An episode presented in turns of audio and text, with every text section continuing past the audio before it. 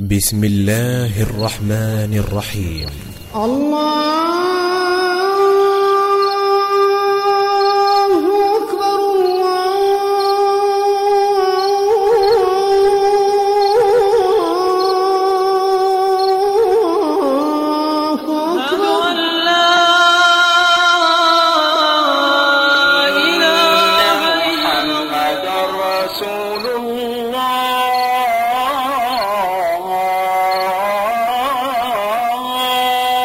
حي على الصلاة.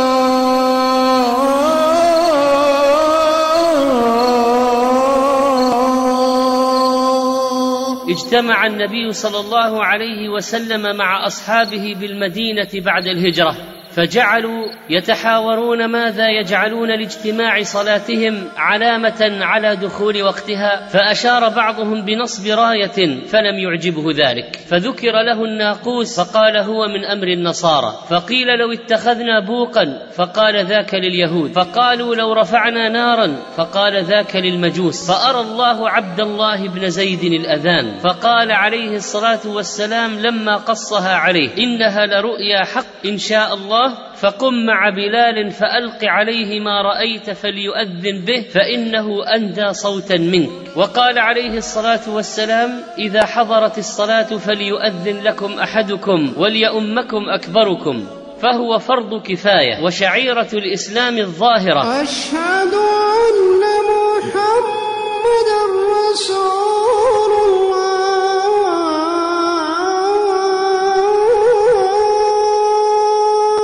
الله أشهد أن محمد رسول الله. إعلان الكبرياء لله والإعلان بأنه وحده لا شريك له المستحق للعبادة دون سواه. وإعلان شهادة خاتم النبيين والمرسلين محمد بن عبد الله صلى الله عليه وسلم. وكان عليه الصلاة والسلام إذا غزا قوما لم يكن يغزو حتى يصبح وينظر فإن سمع أذانا كف عنهم وإن لم يسمع أذانا أغار عليهم رواه البخاري. فهذا الأذان علامة على أنهم مسلمون. هذا العمل الكبير من أفضل الأعمال عند الله. لو يعلم الناس ما في النداء والصف الأول ثم لم يجدوا إلا أن يستهموا أن يقترعوا عليه لاستهموا. وأخبر النبي صلى الله عليه وسلم أن المؤذن يغفر له مدى صوته وأنه يشهد له كل رطب ويابس وأن له مثل أجر من صلى معه. أليس هو الذي ذكرهم؟ بالصلاة ودعاهم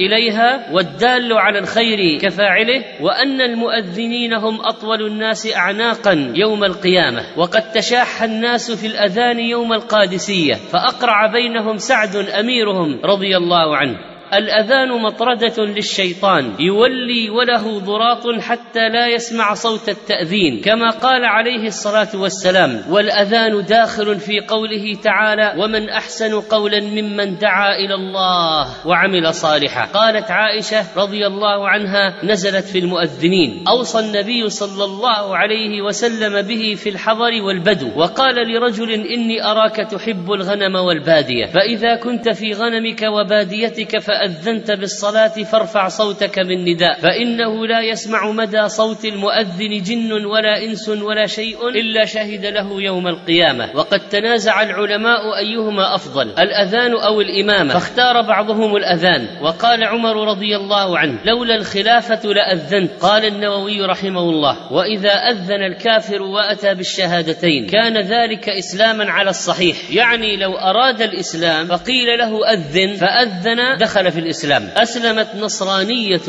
من أذان سمعته من جوال صديقتها المسلمة وأخرى زارت بنتها التي أسلمت. فلما سمعت أذان الفجر ورأتها مستعدة لأداء الفريضة أحست بيقين يدخل قلبها وكان ذلك سبب إعلان إسلامها. هذا الأذان الذي يطرق قلب الذي يدخل في الإسلام فيقول أحدهم أتيت بلدا للمسلمين وأنا أكره الإسلام ومع مرور الوقت وأنا أسمع الأذان صرت أفكر فيه وأسأل عن معانيه. فتأثرت بقول الله تعالى ومن يبتغي غير الإسلام دينا فلن يقبل منه فدخل الإسلام قلبي وأسلمت وكانت بدايته في ذلك الأذان. الذي أسمع صوت المنادي به. الله أكبر في المآذن دعوة في كل محراب لها ترداد.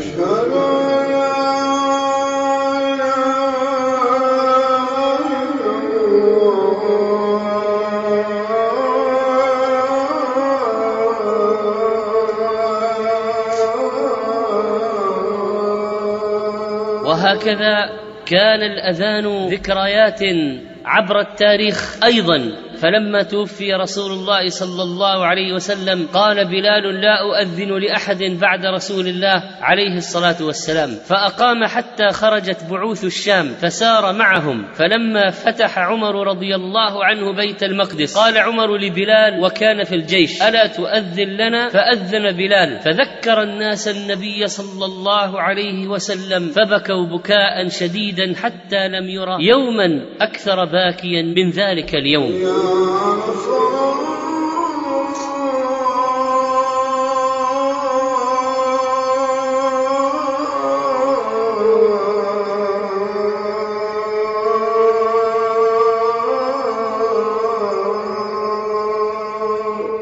وتقبلوا تحيات إخوانكم في موقع وذكر الإسلامي www.وذكر.net